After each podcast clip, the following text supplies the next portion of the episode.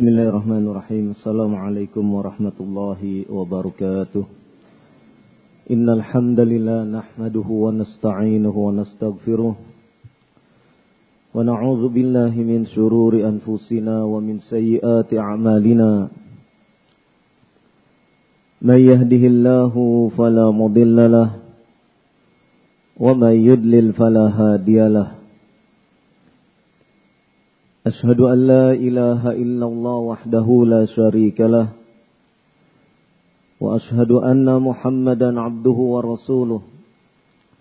يا أيها الذين آمنوا اتقوا الله حق تقاته ولا تموتن إلا وأنتم مسلمون.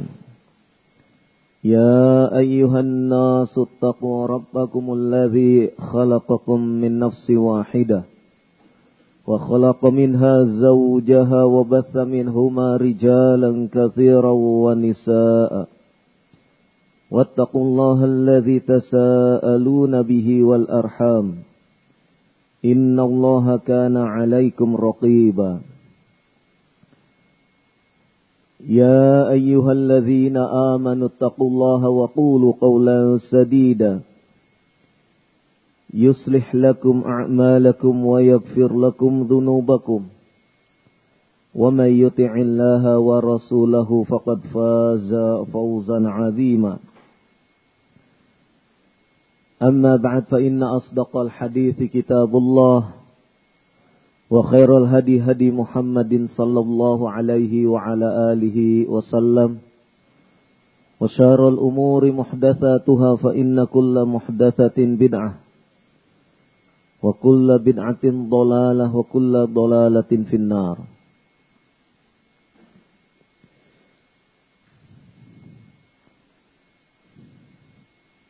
Salah satu syariat yang mulia yang selalu ditanamkan agar bisa ditunaikan secara baik syariat dari para ambia.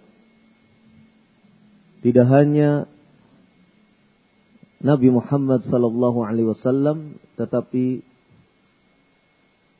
syariat ini pun telah ditunaikan ketika masa kenabian Ibrahim alaihi salatu wassalam. Syariat yang dimaksud adalah al-udhiyah atau adahi yang berarti kurban. Ma yudbahu fil buyut yaumal id wa ayyamut tashrik taqarruban ila Allah. Demikian disebutkan oleh Syekh Saleh Al-Fauzan hafizahullah taala ketika menjelaskan tentang bab yang berkaitan dengan masalah adahi penyembelihan hewan kurban. Yang dimaksud dengan al-udhiyah ma yuzbahu fil buyut.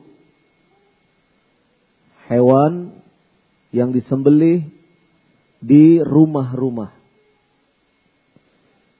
Yaumal Id pada hari Id Idul Adha Wa ayam tasriq demikian juga pada hari-hari tasrik yaitu tanggal 11, 12, 13 dan berakhir pada tanggal 13 saat matahari tenggelam. Taqarruban ilallah dalam rangka untuk mendekatkan diri kepada Allah Subhanahu wa taala. Jadi bukan semata-mata sekadar menyembelih, bukan semata sekadar membeli hewan kurban, tetapi jauh dari itu semua. Rizki yang kita dapatkan kemudian kita belikan hewan kurban. Dengan memilih yang paling unggul yang paling baik Maka kemudian hewan itu disembelih.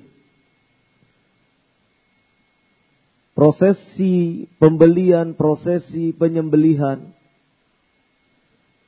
itu adalah merupakan wujud betapa seseorang yang menunaikan syariat tersebut hendaknya ia niatkan taqarruban ilallah dalam rangka untuk mendekatkan diri kepada Allah Subhanahu wa taala. Dan itulah maksud daripada kurban.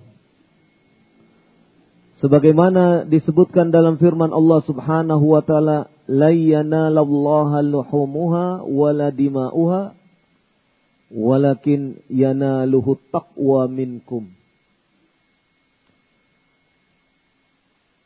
Sekali-kali daging dan darah tersebut, darah itu sekali-kali daging dan darahnya tidaklah akan sampai kepada Allah akan tetapi yang sampai kepada Allah adalah takwa di antara kalian.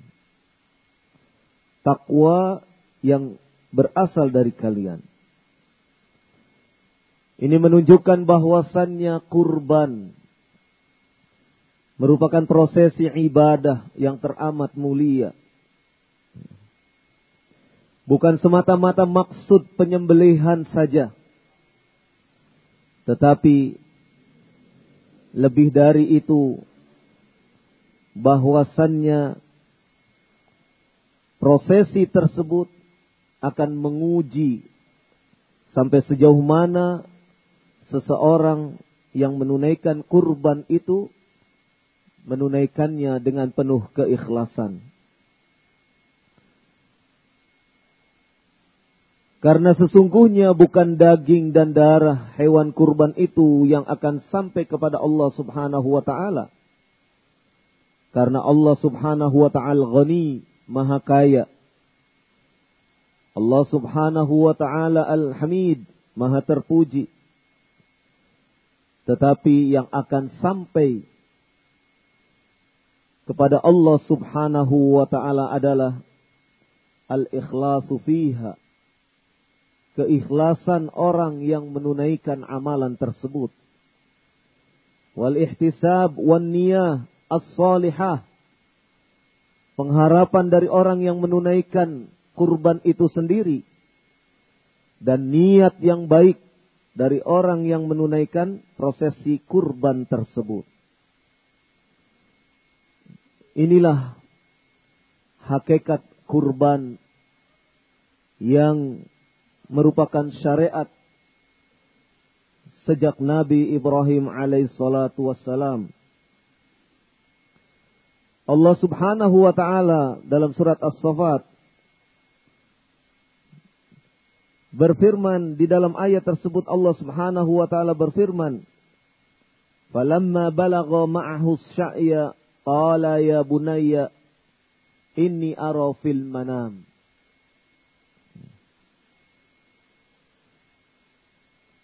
Anni azbahuka fanzur madza tara. Qala ya abati if'al ma tu'mar. Satajiduni insyaallah minas sabirin Dalam surat As-Saffat ayat 102 ini kita temukan ayat firman Allah Subhanahu wa taala yang mengungkapkan tentang dialog antara seorang ayah dengan seorang anak. Dan dari sinilah syariat berkurban itu kemudian bisa tertunaikan hingga masa sekarang. Maka ketika anak itu yaitu Nabi Ismail alaihissalatu wassalam tumbuh dewasa sampai pada usia ia sanggup untuk berusaha bersama Nabi Ibrahim alaihissalatu wassalam, ayahnya. Kala kemudian Nabi Ibrahim alaihissalatu wassalam mengatakan kepada anaknya Nabi Ismail alaihissalatu wassalam, Ya bunayya, Wahai anakku, inni arafil manami anni azbahuka. Sesungguhnya aku melihat dalam mimpiku, aku menyembelihmu. Fangzur madza tara. Maka lihatlah, perhatikanlah apa pendapatmu tentang mimpi tersebut. Maka jawab Nabi Ismail alaihi salatu wasalam, Qala ya abati. Wahai ayahandaku. If'al ma tu'mar. Kerjakanlah apa yang diperintahkan kepadamu. Kerjakan apa yang Allah subhanahu wa ta'ala perintahkan kepadamu.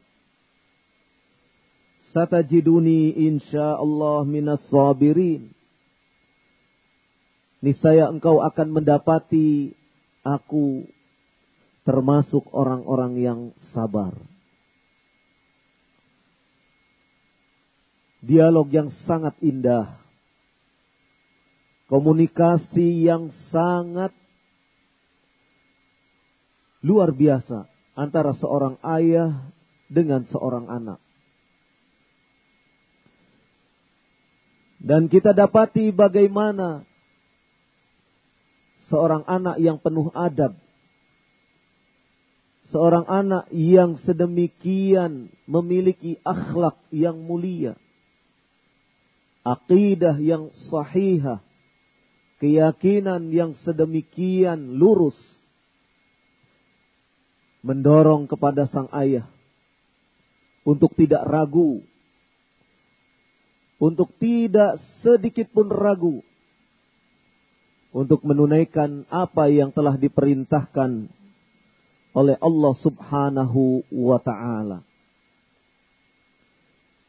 Demikianlah sepenggal kisah yang Allah Subhanahu wa Ta'ala cantumkan di dalam Al-Quran. Yang kemudian kisah ini dijadikan sebagai titik tolak bahwasannya syariat berkurban adalah syariat para anbiya. Dan Rasulullah sallallahu alaihi wa ala alihi wasallam kemudian meneruskan dan menghidupkan syariat ini sampai kepada kita umatnya. Maka Nabi Shallallahu Alaihi Wasallam memberikan bimbingan kepada kita untuk senantiasa menjadikan amalan tersebut menjadi amalan yang akan menaikkan derajat ketakwaan kita kepada Allah Subhanahu wa taala. Allah Subhanahu wa taala berfirman, "Inna akramakum 'indallahi atqakum." Sesungguhnya orang yang paling mulia di antara kalian di sisi Allah Subhanahu wa taala atqakum adalah orang yang paling takwa. Paling tinggi derajat ketakwaannya. Dan syariat berkurban adalah syariat yang akan mengantarkan pelakunya untuk menjadi orang yang bertakwa.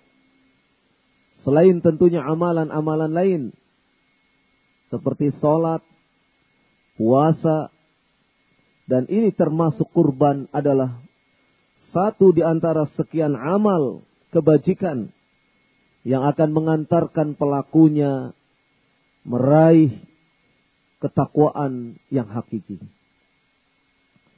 Maka sebagaimana tadi disebutkan dalam firman Allah Subhanahu wa taala bahwasannya sekali-kali bukan daging darahnya yang akan sampai kepada Allah Subhanahu wa taala walakin yanaluhu taqwa minkum akan tetapi takwa dari kalian itulah yang akan sampai kepada Allah Subhanahu wa taala. Maka berkurban, hikmah daripada berkurban akan membangun jiwa ikhlas. Karena sesungguhnya seseorang yang akan berkurban, ia dituntut untuk menunaikan kurban itu dengan landasan keikhlasan. Allah subhanahu wa ta'ala berfirman, Qul inna salati wa nusuki wa mahyaya wa mamati lillahi rabbil alamin. La syarikalah. Katakanlah sesungguhnya salatku, ibadahku di dalam Al-Quran terjemahan Kementerian Agama, An-Nusuk diterjemahkan ibadah. An-Nusuk pengertian secara letterlek adalah penyembelihan. Maksudnya adalah kurban. Sesungguhnya salatku, kurbanku, hidupku dan matiku. Lillahi Rabbil Alamin. Hanya semata karena Allah, Rabb semesta alam.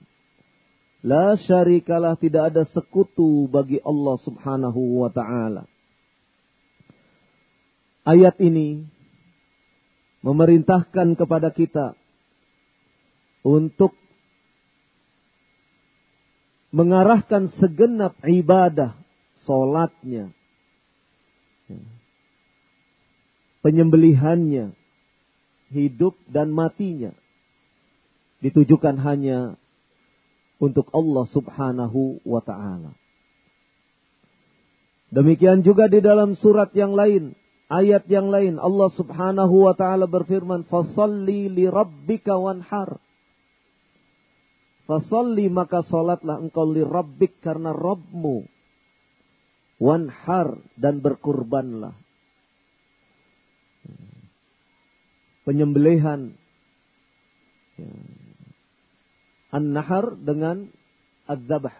Ya, kalau az-zabah ya, seperti menyembelih kambing, ya, kepalanya dipegang, perutnya diinjak, kemudian pisau ya, digorokkan ke lehernya. Itu penyembelihan az-zabah.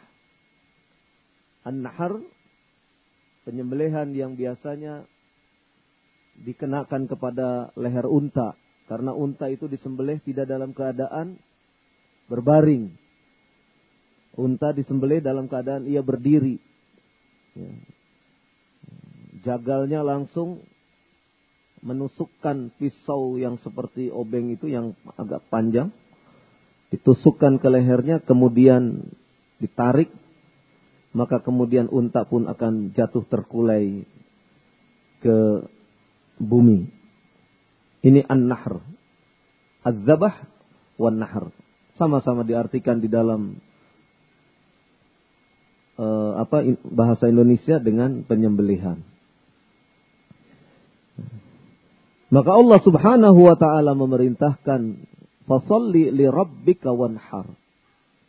Maka salatlah engkau karena Rabbmu, karena Allah Subhanahu wa taala dan berkurbanlah. Juga karena Allah Subhanahu wa taala. Karena sesungguhnya seseorang yang berkurban niatnya tidak ikhlas karena Allah Berkurban niatnya karena dalam rangka sum'ah. Ingin amal perbuatannya didengar orang. Berkurban dalam rangka riaan. Ingin perbuatannya dilihat oleh orang. Atau ya, yang sifatnya mujarrad adah. Ya, berkurban hanya karena mengikuti kebiasaan tradisi yang berlaku di satu daerah. Maka bukan berkurban yang seperti itu yang dikehendaki oleh syariat. Tetapi yang dimaksud kurban di sini adalah kurban yang dilandasi keikhlasan karena Allah Subhanahu wa taala. Karenanya para ulama mengingatkan kepada kita untuk tidak mengungkit-ungkit harga binatang yang akan kita kurbankan. Tidak menyebut-nyebut.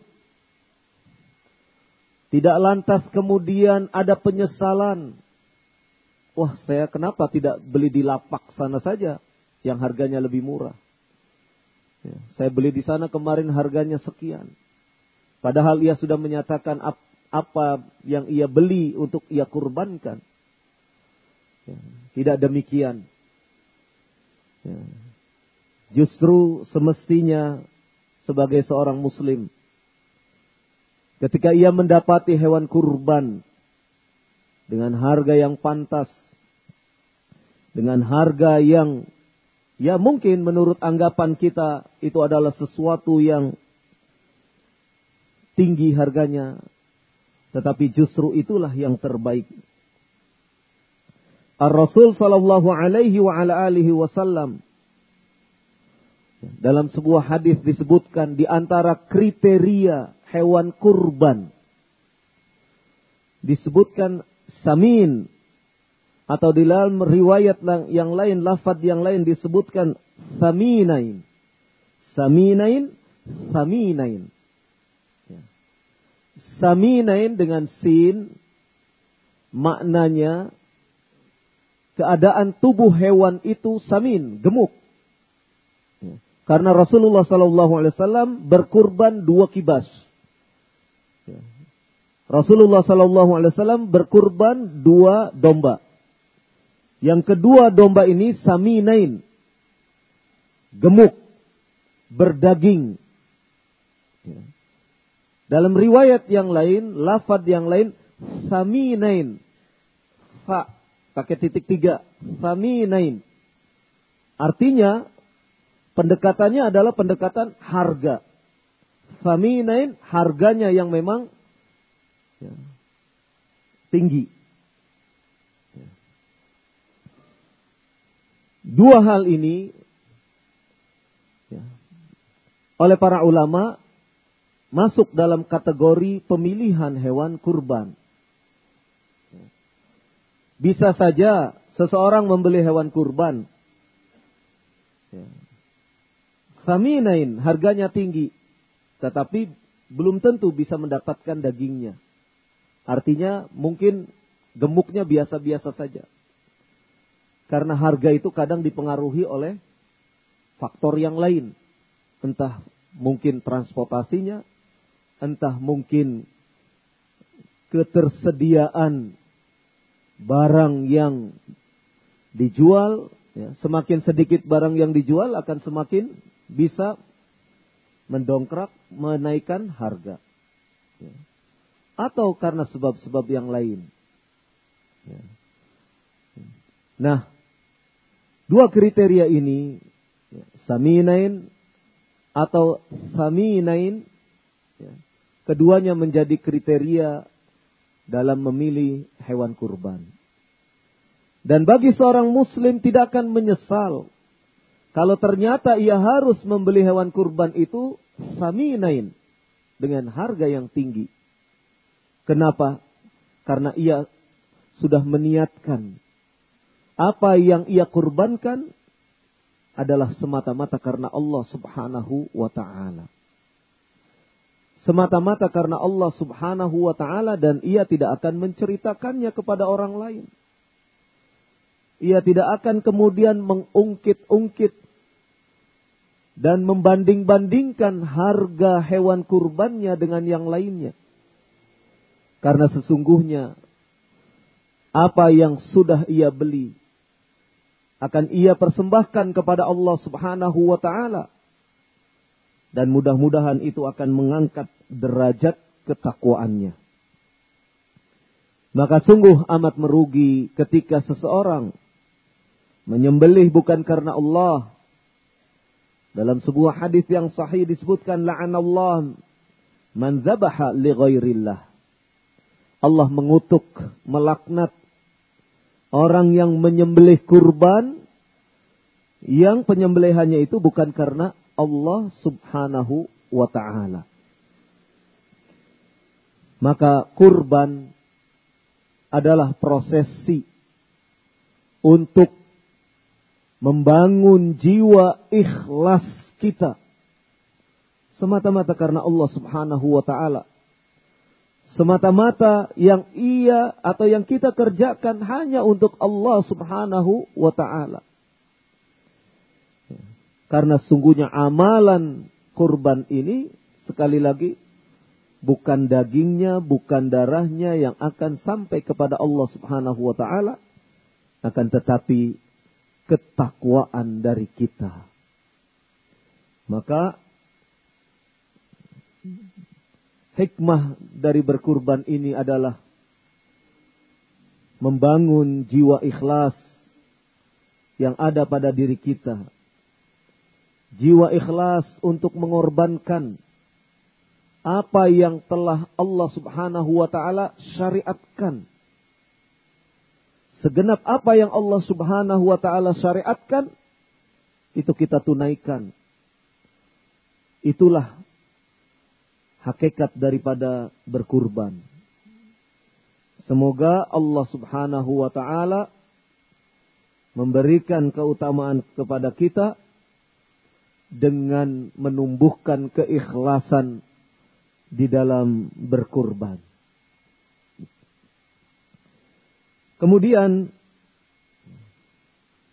di dalam syariat berkurban selain jiwa keikhlasan juga kita dituntut untuk senantiasa mutaba'ah mengikuti apa yang dituntunkan oleh Rasulullah sallallahu alaihi wa ala alihi wasallam.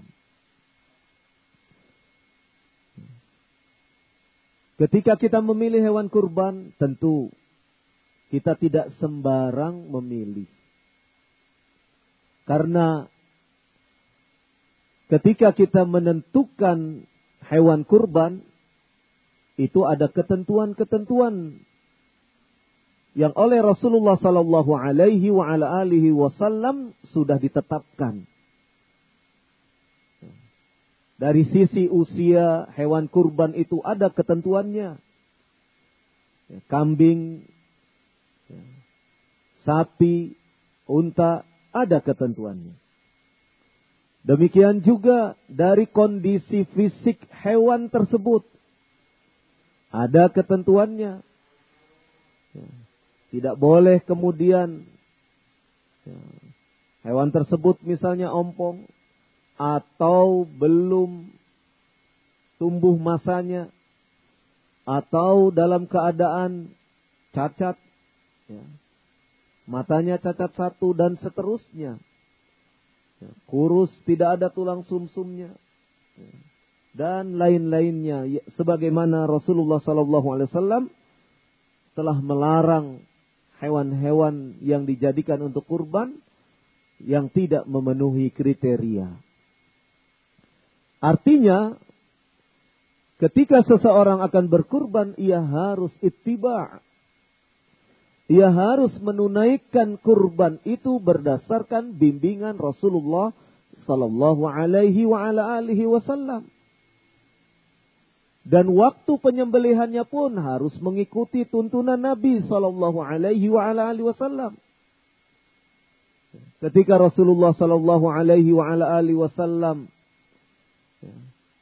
selesai menunaikan salat Id Kemudian beliau melihat ada seekor, ada hewan kurban yang sudah disembelih.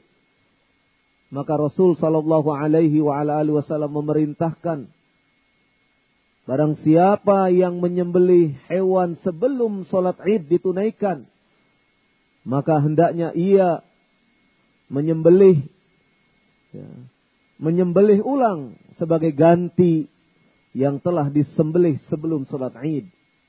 Ini artinya bahwasannya ketentuan dalam penyembelihan pun, ketentuan waktu dalam penyembelihan pun ditentukan oleh Rasulullah Sallallahu Alaihi Wasallam.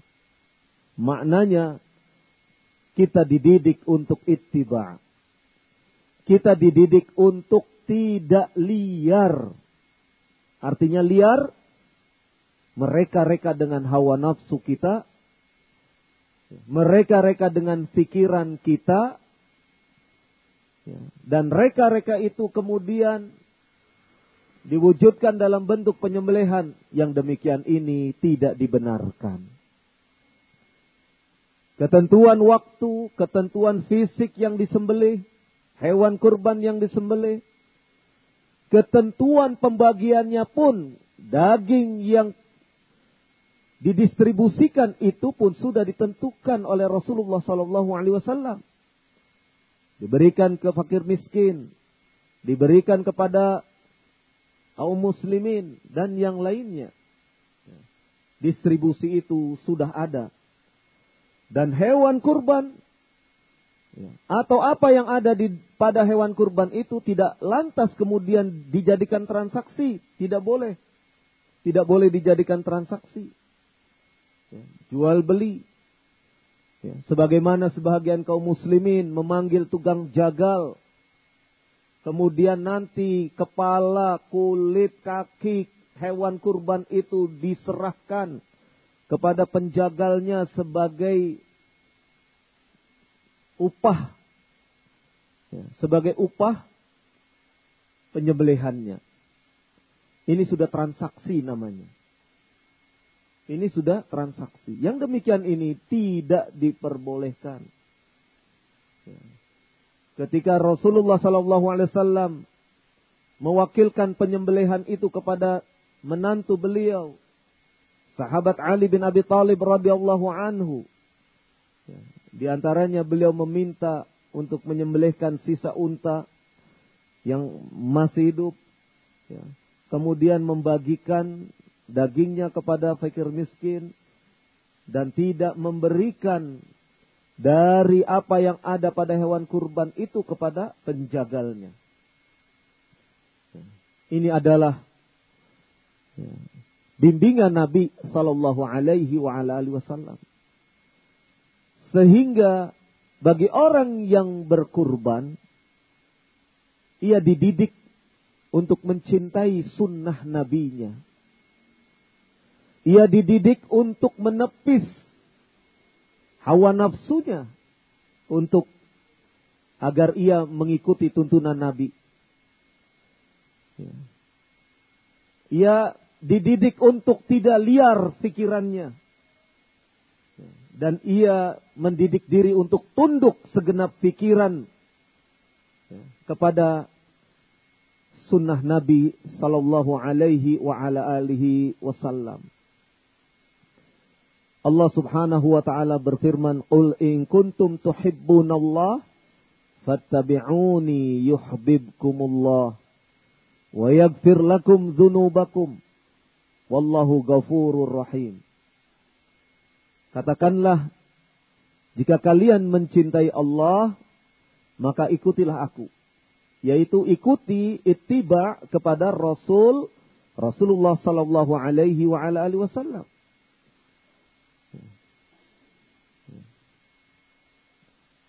Kalau sudah mengikuti kepada Rasul Sallallahu Alaihi Wasallam, maka Allah akan mencintai kalian. Allah akan mengampuni dosa-dosa kalian. Dan Allah Maha Pengampun lagi Maha Penyayang.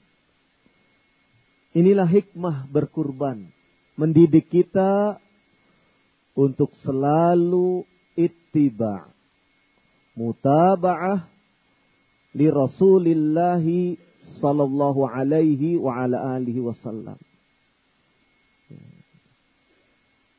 Hawa nafsu kita tunduk, pikiran kita tunduk kepada apa yang sudah ditentukan oleh Rasulullah sallallahu alaihi wa ala alihi wasallam.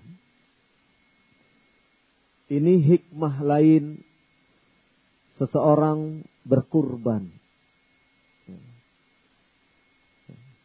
Manakala ada seseorang berkurban tidak sesuai dengan ketentuan-ketentuan yang disebutkan ya, oleh Rasulullah Wasallam atau dicontohkan oleh Rasulullah Wasallam, maka ya, sebagaimana ya, dalam kisah hadis yang sahih tadi, seseorang menyembelih di luar waktu atau sebelum waktu yang ditentukan, maka kata Nabi ya, dia harus menyembelih ulang sebagai ganti dari yang telah disembelih karena batas waktu yang belum ditentukan.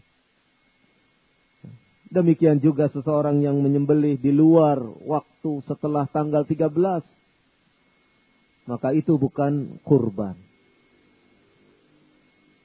Demikianlah bagaimana syariat itu harus ditetapkan. Harus melalui bimbingan sunnah Nabi sallallahu alaihi wa ala alihi wasallam. Karena Ar-Rasul sallallahu alaihi wasallam adalah teladan kita, panutan kita, contoh kita. Allah Subhanahu wa taala berfirman, "Laqad kana lakum fi Rasulillahi uswatun hasanah." Sungguh bagi kalian ada pada diri Rasul itu uswah hasanah, contoh teladan yang baik. Manakala kurban kita ingin diterima, manakala kurban kita ingin mengangkat derajat takwa kita, maka penuhilah penuhilah ketentuan-ketentuan Rasulullah sallallahu alaihi wasallam dalam berkurban. Sehingga kurban kita tidak sia-sia di hadapan Allah Subhanahu wa taala. Sehingga kurban kita tidak dijadikan sebagai amalan yang tertolak. Karena menyelisihi sunnah Nabi Sallallahu alaihi wa ala alihi wasallam. Kemudian hikmah lain dari berkurban yaitu kurban mendidik kita untuk memiliki jiwa sosial. Jiwa sosial. Dalam sebuah hadis Nabi sallallahu alaihi wa ala alihi wasallam dari Ali bin Abi Thalib radhiyallahu anhu ia menyatakan Amarani an-nabiy sallallahu alaihi wasallam an aquma ala budnihi wa an uqassima luhumaha wa juludaha wa jilalaha 'ala al-masakin wa la'utiya fi jazaratiha syai'an minha. Muttafaqun alaih. Hadis riwayat Bukhari Muslim. Kata Ali bin Abi Thalib radhiyallahu anhu An-Nabi sallallahu alaihi wasallam memerintahkan kepadaku untuk menyembelih unta-unta yang tersisa. Ya. Sebelumnya Nabi Shallallahu Alaihi menyembelih dengan tangan beliau sendiri. Ya, berapa puluh unta.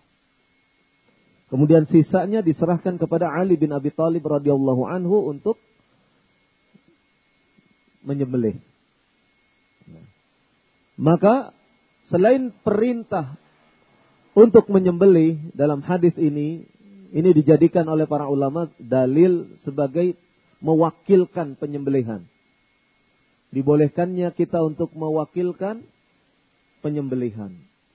Ya berdasarkan hadis Nabi Shallallahu Alaihi Wasallam, yaitu Rasulullah Shallallahu Alaihi Wasallam menyerahkan kepada Ali bin Abi Thalib radhiyallahu anhu untuk menyembelih sisa unta. Kemudian Nabi Shallallahu Alaihi Wasallam memerintahkan pula untuk membagikan daging hewan kurban tersebut, untuk membagikan kulit hewan kurban tersebut.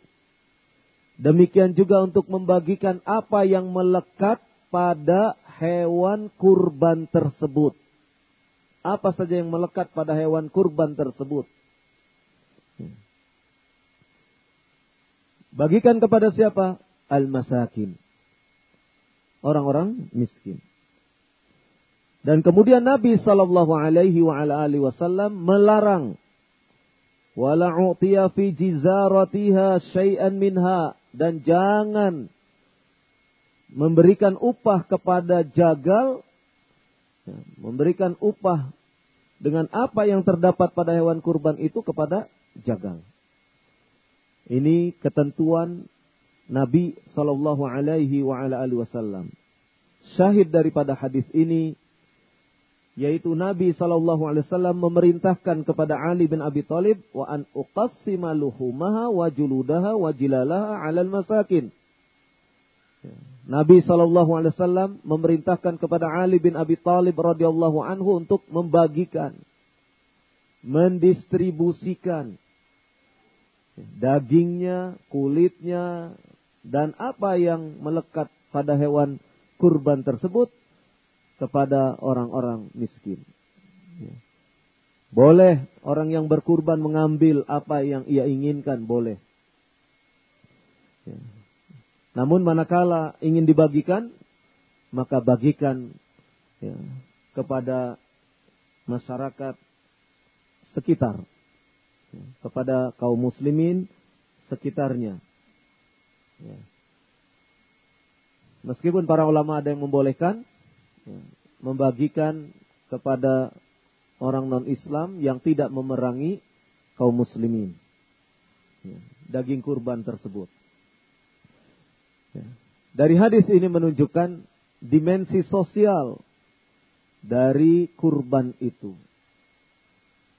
Dan di dalam konteks dakwah, di dalam konteks dakwah, ini akan sangat baik, ya, akan sangat baik ya, untuk menunjukkan bahwasannya ya, kita ya, orang-orang yang bergerak di dalam dakwah as-salafiyah ya, menunjukkan kepedulian menunjukkan kepedulian kepada kaum miskin melalui syariat berkurban ini. Ini termasuk hikmah dari kurban. Selain itu juga, selain dimensi sosial, kurban ini pun ya, mendidik kita untuk sayang, ya, menyayangi kepada sesama makhluk Allah Subhanahu wa taala. Bahkan kepada hewan yang akan kita kurbankan sekalipun kita tetap menumbuhkan sikap rahmah. Di mana menumbuhkan sikap rahmahnya? Yaitu ketika menyembelih ya, alat yang kita gunakan untuk menyembelih itu dipertajam. Ya. Alat untuk menyembelih itu ditajamkan. Ya. Rasul Shallallahu Alaihi Wasallam meminta kepada istri beliau Aisyah radhiyallahu anha agar mempertajam pisau yang akan beliau gunakan untuk menyembelih hewan kurban. Kata Rasulullah sallallahu alaihi wasallam, "Ishadiha bihajarin." Tolong asahkan pisau ini dengan batu. Beliau sallallahu alaihi wasallam meminta kepada istri beliau Aisyah radhiyallahu anha untuk menajamkan pisau yang akan dikenakan kepada hewan kurban tersebut. Menunjukkan sikap rahmah Rasulullah sallallahu alaihi wasallam agar hewan yang disembelih itu tidak kemudian berlama-lama disakiti. Ya, jangan sampai pisau yang digunakan tumpul derajatnya sama dengan gergaji, ya, sehingga kalau digorokkan ke leher, hewannya ya, bertambah kesakitan. Ini bukan yang dididikkan oleh Rasulullah Wasallam, bukan yang dibimbingkan oleh Nabi Wasallam. Ya. Karenanya ini merupakan uh, wujud kasih sayang kita, wujud tidak adanya penyiksaan, pesakitan dalam syariat ini. Ya, selain kasih sayang kepada sesama umat manusia, juga kasih sayang kepada hewan kurban itu sendiri. Bahkan para ulama ada yang memberikan nasihat agar hewan-hewan kurban yang akan disembelih, ya, yang sedang menunggu giliran tidak di, tidak uh, tidak ditempatkan sehingga ia bisa melihat ya, sesama hewannya disembelih.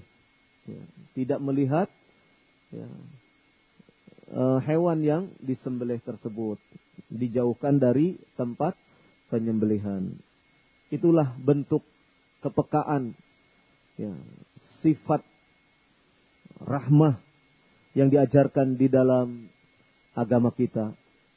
Wallahu alam bisawab mungkin ini yang bisa saya sampaikan terkait hikmah di dalam berkurban. Mudah-mudahan pencerahan ini bisa lebih mendorong, lebih memantapkan kita untuk bersemangat menunaikan sunnah-sunnah Nabi Sallallahu Alaihi Wasallam karena kurban ini menurut para ulama merupakan hukumnya sunnah.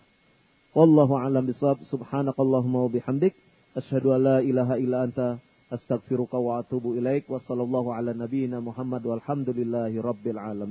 Assalamualaikum warahmatullahi wabarakatuh.